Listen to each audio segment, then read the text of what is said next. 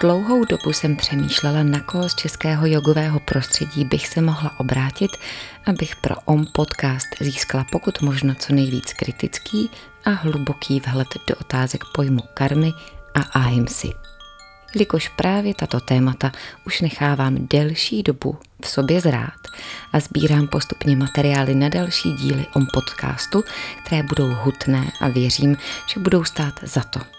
Inu, tak pak se mi neustále vracela na mysl jedna žena, jogínka, autorka mnoha knih i článků o józe, kterou sice na sociálních sítích sleduji a doma mám x jejich knih, avšak nikdy jsem se s ní osobně nesetkala. Až jsem postupem času zjistila, že by mohla být opravdu stěžejním dílem v celé té složité skládačce, kterou pomalu lepím dokupy. Nemohla jsem vybrat lépe. Barbara Hu Vystudovaná indoložka, lektorka jogy a yogaterapie, hypnoterapeutka, autorka knížek o józe, publicistka, básnířka, žena, která se neustále vzdělává a o věcech přemýšlí. Přemýšlí v kontextu. V kontextu o józe. Kvůli józe potkali jsme se spolu letos v oboře Hvězda v období, kdy tam Pražané chodí na lov medvědího česneku. Medvědí česnek jsme nezahlédli, ale Bára měla ve vaku jedno malé medvídě. Inu, Ida tam je slyšet taky. Takže rozhovor s Bárou a Idou o karmě, samsáře, ahimse i himse, osudu a spirituálním bypassu i o tom, co si každý nosíme v batůžku, jsem se rozhodla s vámi sdílet nezávisle na dílech, které z toho vzejdou a prakticky v plné délce bez oprav takže přeji příjemný poslech, otevřené srdce i mysl.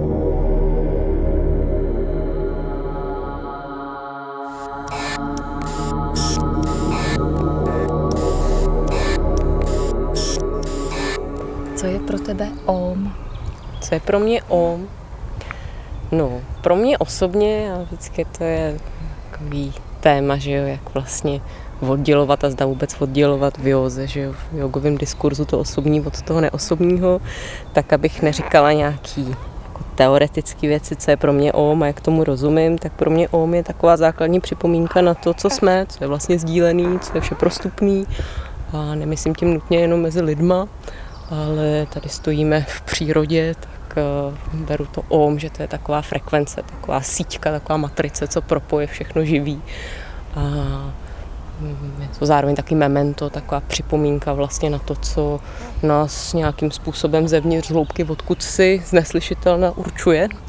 A na co, když se naladíme, nebo když na to rozpomeneme, když na to tančíme tím svým životem, nebo na to cvičíme, nebo se hejbeme v té existenci na to om, tak nám to připomíná ten začátek a taky ten konec, kam směřujeme. Kde vzniká semínko samotné karmy? Kde vzniká semínko samotné karmy? No, v nějakém prvotním skutku.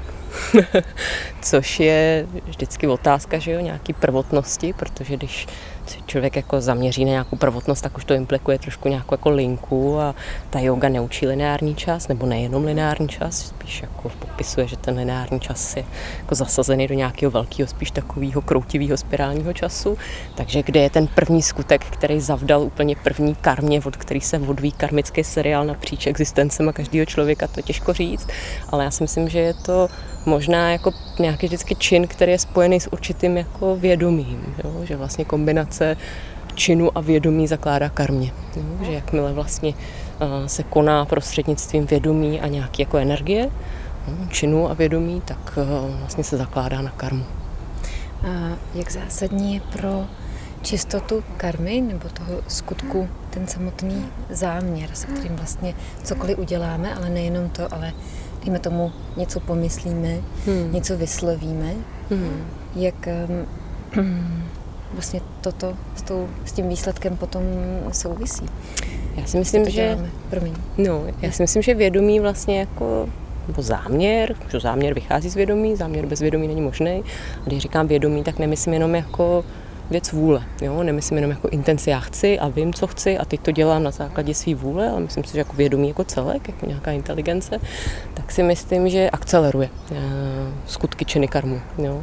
A myslím si, že to tak funguje i v principu jako karmy, tak jako něm učí yoga, jako něm učí tantra, že čím víc je ten akt vědomí vědomý, to znamená, že dělám něco a dělám to vědomě, tak pak dochází k, jako k zrychlení vlastně toho procesu, toho uskutečnění i v důsledku. Jo? To znamená, že když jsem vědomý zloun a dělám něco jako vědomě zlé, tak si myslím, že ten plot toho vědomě zlé eh, dozrává dřív, než nevědomě zlé. Ale tím neříkám, že jako nevědomě zlé je lepší nebo méně závažný než vědomě zlé. Jo? Jenom spíš vnímám, že a, tam to téma rychlosti vlastně té manifestace hraje roli. Jo? Že když si to asi zná, že jo? každý člověk, možná jogíně, nejogíně, že když si ve svém životě začneme něco zvědomovat, No, nějaký věci jako vnášíme do vědomí, už je nemáme jenom v podvědomí nebo nevědomně někde, takže vlastně jako najednou víc vnímáme ten efekt toho zvědomování, že se vlastně ty věci dávají rychleji do pohybu. No, to, to si myslím, že je ten princip. Já jsem totiž přemýšlela vlastně nad tím, eh, jaký je rozdíl, i když, dejme tomu, děláme něco dobrýho, ale můžeme to udělat úplně jako s jinou intencí. Hmm. Že uh, můžeme, dejme tomu, být eh, zdravotní sestra, mhm. která Eh, pomáhá ostatním, dělá spoustu dobrého, ale pokud to dělá s nechutí, mhm. nebo to dělá, dejme tomu, s pocitem toho, že si potřebuje eh, vylepšit svědomí, hmm. nebo to dělá opravdu čistě s tím záměrem, hmm. že strašně moc jako chce pomáhat. Jsem přemýšlela právě nad tím, jestli i nemůže být jako veliký rozdíl pak v celém tom následku toho, co pak následuje, když je tam i takovýhle možná, sice ve výsledku reálným, pomáhá ten člověk těm tomu lidem nebo dělá něco dobrýho, ale je tam úplně jako jiný semínko nebo úplně nějaký hmm. jako jiný podloží. Tomu rozumím a myslím si, že to jako hezky souvisí vlastně, protože to je komplikovaný téma, jako, že to je už otázka etiky, morálky, jak soudit, co je dobrý a co je špatný čin ano. a pro koho a v jakém kontextu. Ten kontext, možná slovo kontext je dost zásadní, jo? že vždycky je potřeba tyhle ty věci hodnotit ne obecně, jo? nějakým jako obec, v obecnosti, byť yoga má tu krásu a zároveň i nevýhodu, že často mluví dost univerzálním jazykem, jako ve vysokých patrech existence, ale ono tyhle ty principy z těch vysokých pater existence je vždycky potřeba uvažovat, myslím, v exist jako v kontextuální realitě, v kontextu. Jo. Takže možná v souvislosti s tím, co jsem říkala předtím, že pro tu zdravotní sestru, pokud dělá tu službu z nechutí, takže se asi nedá říct, že by páchala jako zlo, jo, že by jako nebyla dobrá zdravotní sestra. Jako věřím, že i někomu pomůže, může mu zachránit život, byť u toho může být jako nakvašená, nasupená a nešťastná pravděpodobně jako na nějaký energetický úrovni to nebude úplně tak jako prospěšný prospěch, jako kdyby uh, tu svoji službu dělala s láskou a značením a cítila se, já nevím, dobře ohodnocená, cítila se jako uznaná, spokojená, no, ale myslím si, že ten nějaký rozdíl bude dělat součet těch jednotlivých kontextů. To znamená, že možná takováhle jako naštvaná zdravotní sestra může někomu pomoct, ale nepomáhá zároveň sama sobě. Jo, a možná i bude trvat díl, než si to zvědomí sama v tom svém kontextu, v tom svém poli, přestože nějak třeba pomůže v procesu a dost zásadním způsobem spoustě lidí. A jak myslíš, že s tím může souviset uh, nenásilí a himsa s tou hmm. karmou? Zase to jsou strašně spojené nádoby. Určitě, jo. A zase to, co propojuje vlastně jako jakoukoliv i možnost na tohle to nějak jako odpovědět, je otázka kontextu, jo. Protože to, že vlastně jakoby dělám něco třeba na úkor sebe, ve službě pro druhého člověka, dopouštím se nějaký zdravý oběti, to slovo oběti dneska takový strašně jako zatížený, že jo, všichni vystupujeme z oběti, že jo, a tak dál a je to v pořádku, ale tak může být třeba v nějakém konkrétním kontextu naprosto v pořádku, jo, jako já nevím, chci jít na procházku, nahrávat s Aničkou podcast o Joze a potkám zraněného spoluobčana, jo, tak co udělám? Jako já mám intenci jít eh, dělat podcast s Aničkou o Joze, ale zároveň by asi možná bylo příhodný třeba tomu zraněnému uh, souputníkovi na cestě životem nějak pomoct, jo, tak vlastně tady v ten moment jako já se vlastně jako vzdávám nějaký svoji intence, jednám vlastně na úkor svého prvotního záměru, jo, dělám nějakou oběť, která ale v ten daný moment jako nemusí být, nemusí být nemístná nemusí být jako kategoricky špatně, naopak. Jo. Zároveň, pokud takhle jako jednám po každý ve všech kontextech svého života, vždycky upozadím sebe, před uh, nějakým pácháním dobra. jo, a říkám záměrně páchání dobra, že v tom je nějaký paradox, jo, že vlastně někde jako s určitou intencí jako dobrou nemusíme být úplně nenásilní třeba sami k sobě v tom jednání. Jo. Tak uh, tak si myslím, že už to jako nějaký aspekty vlastně toho, ty hymsy mít může, jo? že vlastně jako se snažím o lásku k bližnímu svému, ale jako ne, nedokážu tu lásku kterou se snažím jako směřovat směrem k druhým lidem, jako orientovat k sobě, tak tam už nějaká hymsa je, že tam už nějaký to semínko, ta, ta esence té hymsy vlastně je. Jo, a ona, protože jak víme, tak ten vesmír jako je vo vztazích, tak jakmile je na jedné straně, v nějakém já, tak se musí promítat někde zákonitě i do vztahu já a ty. Jo, takže snaha o ahimsa, která má v sobě jako sémě hymsy, tak vždycky má prvek hymsa. A co je pro tebe ahimsa? Mm-hmm. Pro mě je ahimsa co nej možná upřímnější, přímější, přítomný kontakt vlastně s vědomím, s vědomím, který se neomezuje jenom na nějaký jájovství, na ego, byť jako ego není nic špatného, který eh, v té svojí jasnosti to vědomí nějak dokáže reflektovat eh, tu sféru svého vlivu, jestli svým myšlením, svým konáním, se nedopouštím nějakého násilného aktu vůči třeba určitý úrovni svého já, jo, jestli tím, když si potřebuju nějak, já nevím, postavit hranice, jsem zmínila to ego a je to naprosto v pořádku a zdraví v nějakém kontextu, v nějaké situaci, jestli třeba se nedopouštím nějakého násilného aktu ke svoji duši, jo, například, jo, nebo když se snažím někomu pomoct, jestli to není na úkor, co já vím, třeba mojí rodiny, jo, a jestli je, tak jestli to unese ten systém jako takovej teď, když se něčeho takového dopustím, jo, když, já nevím, někomu poskytnu terapeutický sezení v čase, kdy mám být se svýma dětma. Je to himsa nebo je to ahimsa? Je to dobro nebo ne? Jo. V dlouhodobosti, jo, vždycky ten kontext je tam důležitý, takže pro mě, pro mě ahimsa je co největší jasnost a otevřenost a zároveň pružnost vědomí, který tak dokáže jako cvičit mezi já a ty a já a my a s tím velkým já a těma pod uh, družnejma, teď podružný možná zní jako pejorativně, ale těma dalšíma já, ze kterých je prostě sestavený ten, ten puzzle náš existenciální, tak aby tam mezi nimi nebyl velký napnelismus, tak to je pro mě ahimsa. Ahimsa uh, vlastně bývá dneska hodně skloňována um, s životním stravovacím návykem, mm-hmm. který uh, se traduje že, v, uh, v józe, mm-hmm. a to je rostlinný a, a nikoli živočišný původ uh, toho, co pozřeme, abychom vytvářeli co nejméně násilí. Mm-hmm. Byly ale nějaké výjimky ve starých spisech, kdy, dejme tomu, bráhmani měli dovolení za určitých podmínek a pozřít zvíře, nebo to zvíře mohlo být rituálně usmrceno, aby se um, uctila šakty, životní síla. A pak dalších pár výjimek. Víš něco, něco o tom, jelikož ty jsi sečtěla tady těchto uh, jejich spisů, já jsem dohledala něco úplně hmm. maličko. Hmm. Zároveň jsem se potom pídila, kde, kde je vlastně ta hranice hmm. pro někoho, protože zase mě pak přišlo od kamarádky, že zase, která se hodně zajímá o, o, o, o sanskrt a o celou tu tradici, že třeba pro některý lidi, kteří nejsou nějakým způsobem ještě připravený na to přejít jenom jakoby na rostlinnou stravu, nebo dejme tomu maminky to mají často, nebo ženy mm-hmm. mývají během uh, menstruace, že vlastně mm-hmm. uh, mají potřebu si dát maso, že cítí, že tam prostě je přesně ta hranice, kdy mm-hmm. oni potřebují si možná vzít kus té životní síly a já osobně sama s tím jako hodně bojuju, že mm-hmm. jsem prostě došla na nějaké svoje jako mm-hmm. energetické hranice a, a musela jsem sklopit hlavu a, a, a mm, hodně vlastně to řešit, mm-hmm. jestli co mám udělat. Nechtělo se mi strašně. Mm-hmm.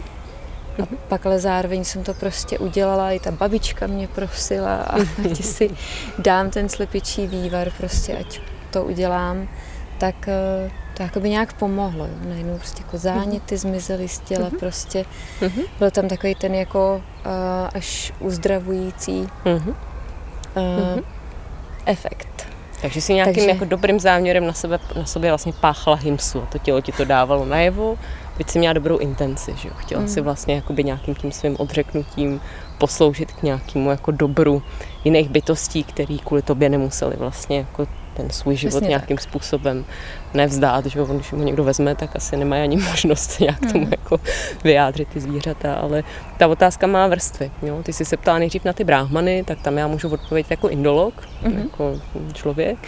Tady v tom konkrétním případě já si myslím, že byť možná my máme takový jako idealizující pohledy na západě, jo, na to staré, svaté, rovná se dobré, vždy, jo, a naprosto čisté, tak uh, jako problematika brahmanismu je skutečně problematika. ne každý brahman je tak jako zářivě, satvicky čistý jako jeho roucho. Jo, v dějinách Indie o tom je jako mnoho takových jako příkladných uh, situací, které možná kdyby ty jogíni uh, idealizující se jako Indii uh, každým coulem uh, jako věděli, tak si myslím, že by možná určitý jako postoje své přehodnocovali, ale já si myslím, že v případě tomhle, kterým popisuješ, těch brahmanů, že jde o zneužití toho statutu statutu. Jo? Že vlastně tam ten argument, věřím, jejich, věřím, Myslím, nevím, nejsem bráhman té doby, je, já mám karmicky naděláno. Já můžu, protože v minulých životech jsem byl tak dobrým člověkem, že nyní už nemusím tolik dbát jo, těchto těch zásad a zároveň moje oběť, já když jako tady zbaštím něco, co je normálnímu člověku podřadného druhu, že oni takhle trošku uvažují, že oni nějaký ty hierarchii, bohužel, to, jako, to jsme taky překvapení, jo, jako horší karma, tady to máš, jo, proto jsi takhle narodil, mm. jo, což je docela drsný, mimochodem vlastně. No, to myslím, jo. že nemáme v nějakém takovém tom soudit jako holistickém jako uvažování vlastně, tak tyhle ty hierarchický uh, způsoby myšlení pro nás jako můžou být uh, docela překvapující, že tam jako mm. fungují a fungují docela podstatně. Takhle, kdy tam byla ta, ta jako idea, že vlastně jako tak ty karmické zásluhy tam jsou nashromážděný tak, že vlastně já když něco zbaštím takhle rituálně, takže to poslouží jako oběti na světu bohů, jo, a přinese to zase jako nějaké dobro. A těžko říct, jako těžko můžeme soudit, pokud nevíme, jestli bohové skutečně, jako když já zbaštím tady jako něco, mm. uh, zareagují jako patřičným způsobem, že jo. Takže já si myslím jako člověk a trošku podívám brailem jako kritického myšlení, tak uh, tak si myslím, že to je trošku zneužití toho statusu sociálního, jo, mm-hmm. bráhmanského.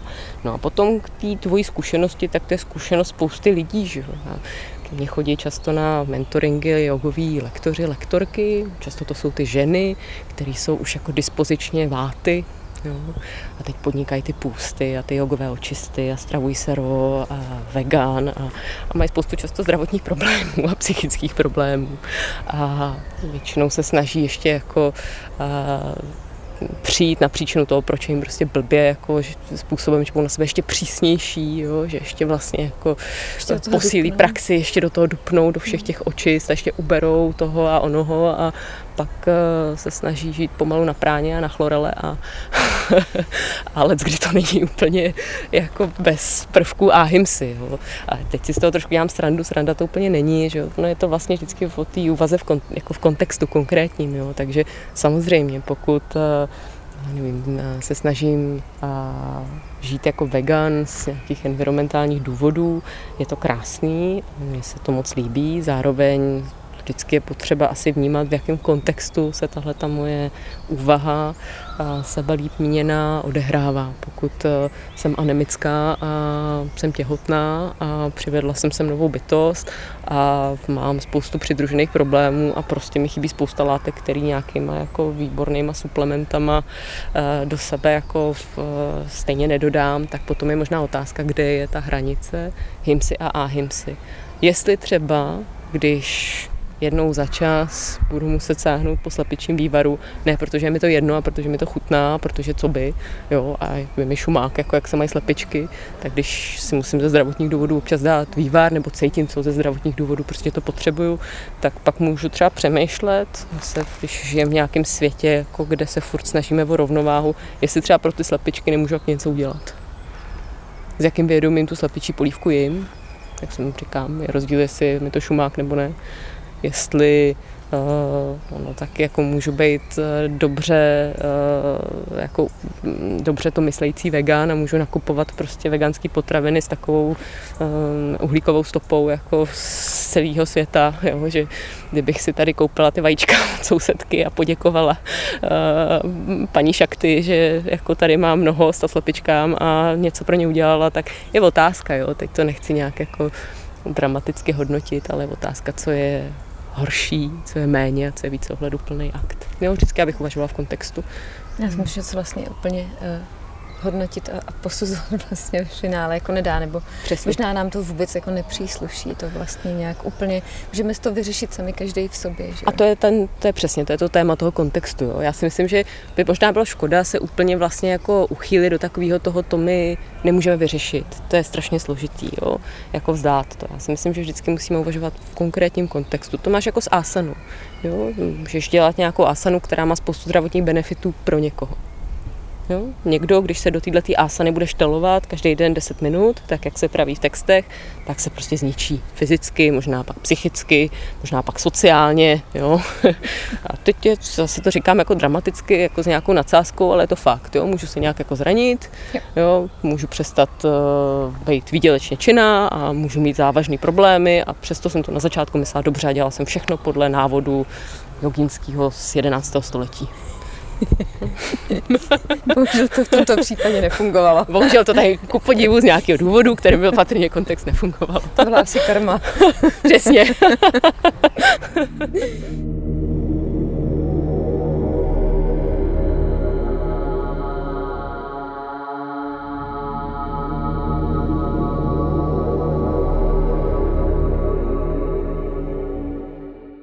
Pokud se k nám neustále vrací na nějaká konkrétní situace, i když má třeba malinko jiný kulisy, jo, nebo se to neustále opakuje, nějak jako cyklicky. Um, a je to pro nás třeba jako náročný, nebo jako výzva, vlastně furt, jako říkáš, už zase. Mm-hmm. Jako je to náhoda? Nebo je to tak karma? Nebo co to je? Já bych měla podezření, že to je spíš karma. Ale karma ne v tom smyslu, my někdy v karmě jako v takovém tom židovsko-křesťanském pořád jako podmínění máme tendenci trošku uvažovat jako z hlediska nějaké osudovosti, jo? že prostě se postavit, jsem tam předtím dělala srandu z jako oběti, jo, jak jsme posedlí tou obětí, protože to hold, to téma oběti jako v naší kultuře je dost zásadní, tak máme tendenci vlastně jako jít do takového toho, mně se to děje, to je asi karma, jo, tady stvoření, Bůh, whoever, prostě whatever, jo, tady způsobilo, že mě se furt děje tohle, ale já jsem si vzpomněla, když si jako formulovala tu otázku na to, co vlastně mi odpověděl můj učitel, takový tibetian, buddhista, tantrik, když jsem mu říkala, a kdy vlastně a, jako člověk je úplně zbavený těch pout karmy, jako kdy úplně vlastně je opravdu jako ready to prostě odsaď jako vyvanout, jo, vymokšovat, vynirvánovat se prostě pryč. A on se na mě tak podíval, usmál se, říkal, no kdy, no když tady nemá co dělat. Jo, takže já si myslím, že to je možná i odpověď částečně na tu tvoji otázku, že dokud se mi vracejí určitý situace, no, tak patrně tam ještě je něco k pochopení. Patrně tam někdy možná ani nemusí být něco nového k pochopení, ale možná ta stejná situace, kterou jsem prošla jako sakra mockrát, jenom jako testuje, jestli opravdu už jsem jako si vzala všechno, co je potřeba Jo, jestli už jako znova nevědu do těch karmických pout nějaký situace, nezachovám se stejným způsobem, jestli jsem se jako dostatečně poučila, jo, jestli se znova nachytám na to uh, jednat stejným způsobem, který tuhle tu situaci třeba vytvořil, jo, v tomhle nebo v jiných životech, to už je jedno. No, že někdy to jsou takový testry, mám pocit, tý, tý samsáry, jo, jestli, jako jak to máš, opravdu, už, už, už to zapadlo. no, takže rozhodně bych to nebrala když jsem jako naznačila tu linku jako toho židovsko-křesťanského myšlení, který tady nechci nějak kritizovat, že má spoustu krásných a důležitých míst a holce, jako tady jsme na nějaký úrovni furt doma, jako ať se nám to líbí nebo ne, byť jako šilháme po těch východních filozofiích, tak eh, to, že se nám něco děje a má to nějaký karmický podmínění, by bylo škoda brát jako trest. To výzva. Spíše to přesně jako možnost, možnost. něco pochopit, něco opravit, něco uvolnit, něco se zbavit, něco nechat už za sebou. Mhm. Jenže my často máme právě tu tendenci jako mít takový ten jako postoj, mně se, mně se to děje zmu, jo, jako, mně se to děje. Proč já? No. Jo. Takže z koloběhu samsáry eh, se lze vysvobodit trpělivostí eh, a čekat. A nebo jak myslíš? No, trpělivost je dobrá, byť v tom slově trpělivost je to utrpení, jo, což se mi úplně jako nelíbí. ale no, spíš jako bych asi možná ta trpělivost bych ji nahradila jako co největším klidem, ale zároveň jako určitou i aktivitou, protože my z nějakého důvodu to božský vědomí jako máme v té esenci dokonalý, ale úplně jako dokonalý lidský bytosti nejsme, že? to už bychom nebyli v té samsáře. Jo? Takže zase jako sedět na meditačním polštáři se založenýma rukama, jet jako 108 málu a čekat, že se to vyřeší, jako si myslím, že to taky možná úplně není to pravý ořechový, jo? že a, to už asi jako možná jiný téma, ale který taky možná se dotýká tématu jako a hymsy, hymsy, to už je někdy psychospirituální bypass, jo? že jako to heknu tím, že si zavřu oči a teď to jako vymedituju, nebo to prostě jako počkám, až přijde bouře. Někdy je fajn počkat, než přijde bouře, ale někdy musím něco dělat, aby mi neteklo do baráku. Přesně tak. To já už jsem takhle, eh, myslím, už uh, mám jednu, uh, myslím, že jsem to někdy prostě, už kdysi dávno jsem to jakoby řekla a furt zjišťuju, že to vlastně asi jedno z, jako z nejlepších postřehů, co se mi někdy podařilo vyprodukovat, že člověk může prostě sedět, že prostě v lotosovém květu 25 let a může mu to být jako úplně, ale úplně jako k prdu. Prostě. Přesně tak. Přesně tak. A dokonce můžeš ještě k tomu jet na kajláš a může ti to stát hodně peněz a času. a komu tím prospěje? Přesně, přesně tak.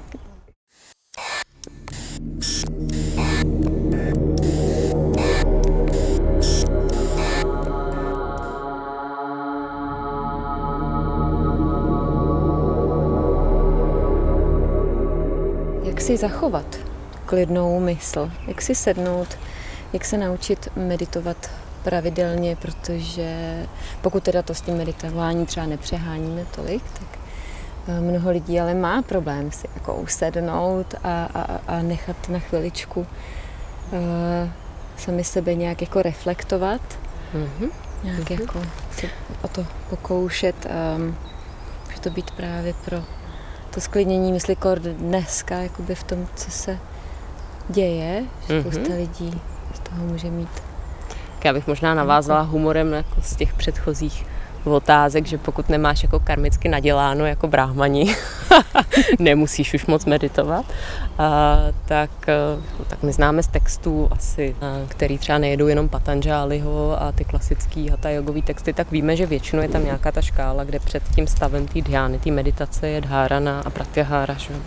Takže já si myslím, že bez toho, aby člověk musel přesně sedět na nějaký jako tygří uh, rohožce, což mimochodem je zajímavé, že ty šiva jistě jako neseděli na veganský yogamatce, ale měli tam tygří kůži. tak uh, tak eh, nemusíme k tomu mít asi nějaké jako vybavení a vyloženě jako meditační prostředí a, a byť ty podmínky hrajou roli samozřejmě, že to jsme se bavili předtím o dětech, tak ono se hezky medituje, když nemáš děti a můžeš si jako zasednout večer do své zem, zenové meditační místnosti a koukat do zeleného a něco jiného, když musíš meditovat v takový ten daily life.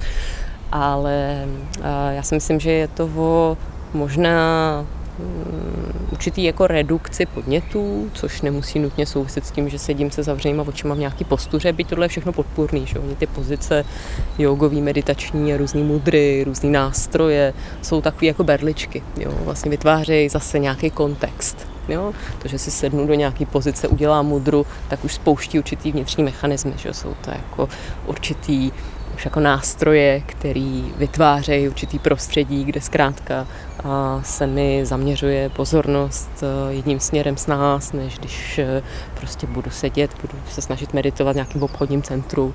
No, to je samozřejmě challenge pro člověka dnešní doby.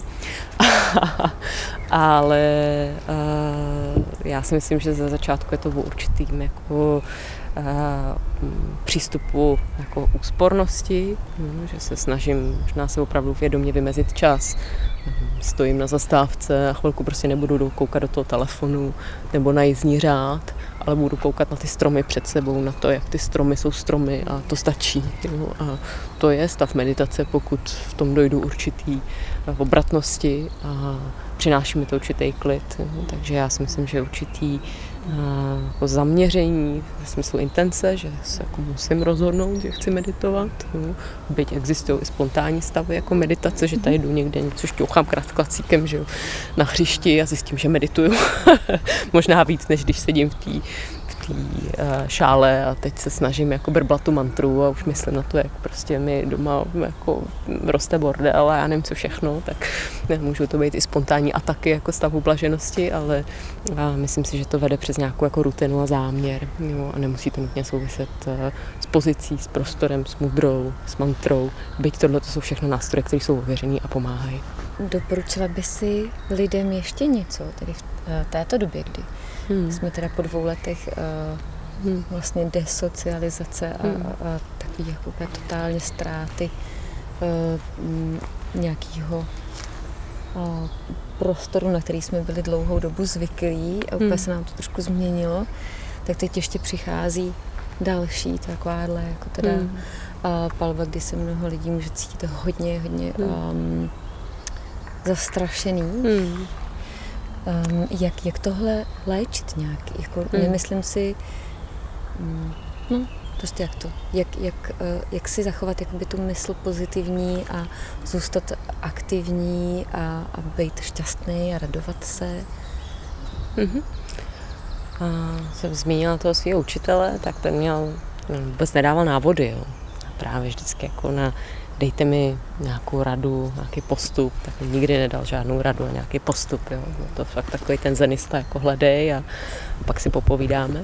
Tak já bych asi doporučila, aby si každý hledal tu svoji cestu, což je důležitý, protože pro někoho ta cesta je opravdu si koupit meditační polštář, a investovat do hezkých meditačních korálků a když už jsem tam přece zaměřila tolik energie, tak teď už jako meditovat budu. Pro někoho je to třeba nějaká forma tvorby, jo, že prostě zjistím, že když někde reju prstama do hlíny, že to je ten můj meditační moment a že ještě dělám třeba něco hezkého na zahradě pro ten prostor. A pro někoho to může být psaní básní, že tanec, zpěv.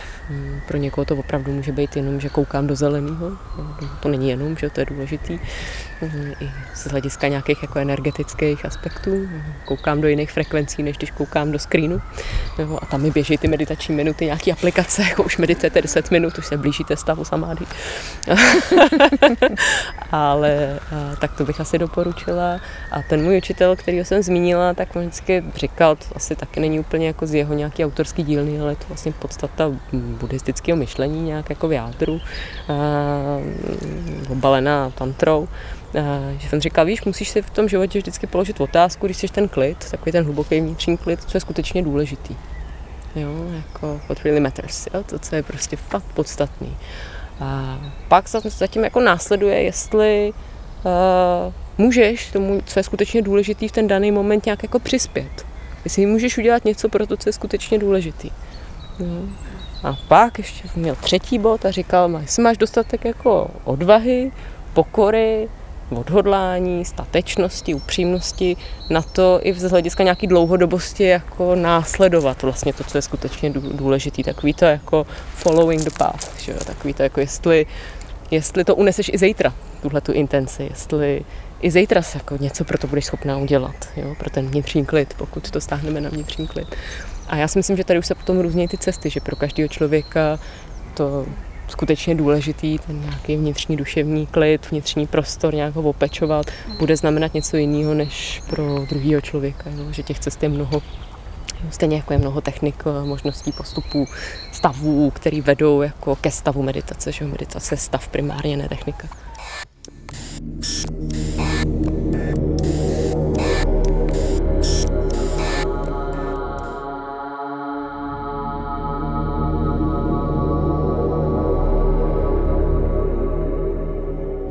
Věříš na osud? Jsme se dotkli té karmy, trošku jsme se dotkli toho osudu, tak ještě bych se tak zeptala na ten osud. Já bych řekla, že se to nevylučuje. Já jsem jako nakloněná tantrismu, ten je hodně paradoxní, ten uvažuje spíš jako v paradoxech, než je to buď tak nebo tak, že většinou je to taky tak, akorát v těch různých kontextech, eh, potom to jedno nebo druhý víc jako vystupuje na povrch. Ale já si myslím, že je tady osud a je tady svobodná vůle. A to, v jakým jsou poměru, tak to už je mystérium existence. Jestli je to 50-50, jestli je to 50 na 50. A jaký máme možná jako přístup k té osobní vůli nebo nemáme, což zase souvisí což zase souvisí s vědomím, že jako nakolik si třeba uvědomujeme, jsme si vědomí toho, že můžeme něco měnit, nebo se můžeme o něco snažit, nebo se můžeme méně snažit, někdy se snažíme moc a jsme pak zapikolovaný osudově v nějaké situaci. Jo, takže já věřím v osud a zároveň věřím i v nějakou tvořivost, jímž jsme nositeli, ať už tomu říkáme šipa šakty nebo vědomí energie, která může ten, tu osudovost varovat. A věříš na duchy nebo na nějaké bytosti z jiných uh, úrovní uh, té existence? No to já nevěřím, to já vím, že jsou. já teď ještě směřu k otázce, která mě zaujala. Uh, teď je na jednom z tvých uh, posledních instagramových uh, um, příspěvků, kdy zmiňuješ, si to najdu, neplácám, kdy rozvíjíš myšlenku karmického propojení skrz uh, přijetí nějaké dharmy nebo učení nebo skrz uh, přijetí té duchovní linie a učitele, mm-hmm. ať je ten učitel naživu nebo není. Mm-hmm. a cituješ tedy svého učitele, pochopila jsem, Tenzina, který ti řekl, že problém není, když to nefunguje, ale problém je častěji to, že to funguje a ty nevíš, co s tím. Mm-hmm.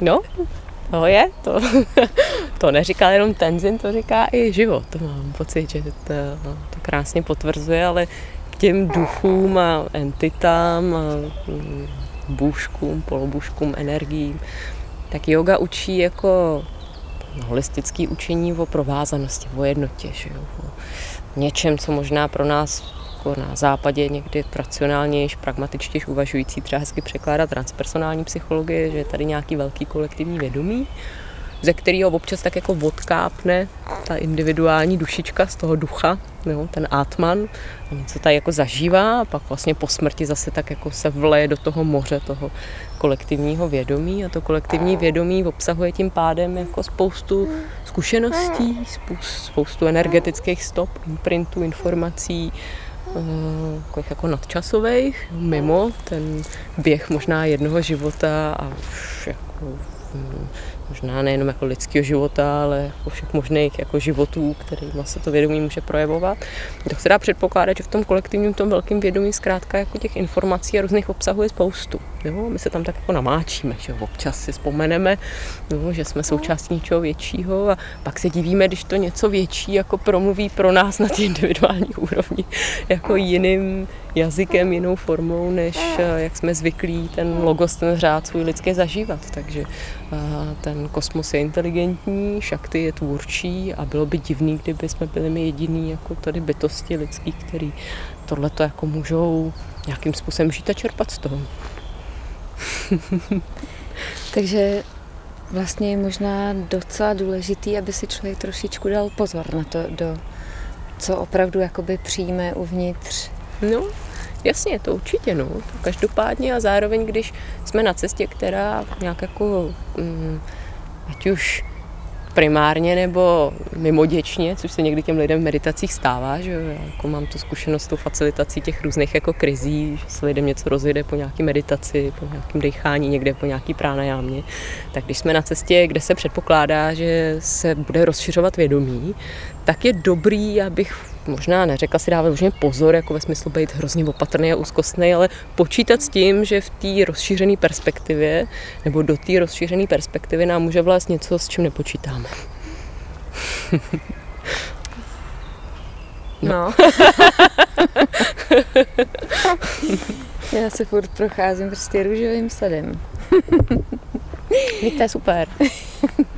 Jak žít tak, aby za sebou člověk zanechal co nejmenší spoušť? Hmm.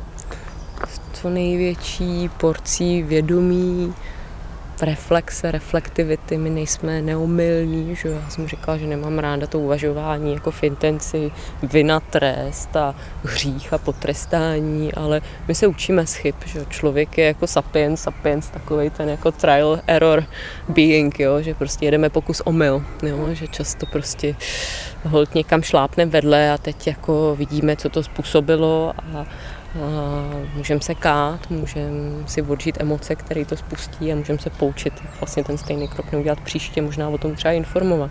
To je dobrý pro ty jogíny, že jo? To je takový jako ta yoga je cestou k nějaké opravdovosti, k nějaké autenticitě a někdy mám pocit, že ty lidi jsou svázaný takovým tím, že musí jako opravdu páchat, zase použiju to slovní spojení, páchat to dobro a být jako dokonalý a když prostě šlápnou někde do hovna, tak vlastně o tom jako nikomu neříct, jako jo, aby náhodou se někdo nedozvěděl, že jako udělali špatný krok na své cestě. Já si myslím, že je to důležitý v té dobré intenci, jak jako mm, po sobě nenechat spoušť, jako učit se vlastně z těch přešlapů, pracovat na tom, aby jsme si dobře odžívali svůj karmu. Hmm. To je to téma té slepičí polívky. Si dám, že tak co pak, co můžu udělat zase, abych třeba vlastně to, že jako úplně s tím nejsem stoprocentně OK, je mi to na nějaký úrovni líto, tak co s tím líto a co s tím na nějaký úrovni nejsem OK, můžu udělat dál. Hmm, to si myslím, že platí pro celý život. Hmm, my se rodíme podle tantriků na rozdíl od té třeba křesťanské představy, ne špatný, ale dobrý. No, akorát, že si neseme něco v batušku, no, takže je asi dobrý nezapomínat na to, že ta podstata naše je dobrá a že to, co si neseme v tom batušku, že můžeme na té cestě nějak jako používat a taky třeba občas jako už odložit. Něco si zase přibalit. A něco si přibalit, přesně. Mhm až dojdeš do momentu, kdy zjistíš, že baťužek ani cesta nejsou jako zapotřebí, že prostě seš. Ale to trvá.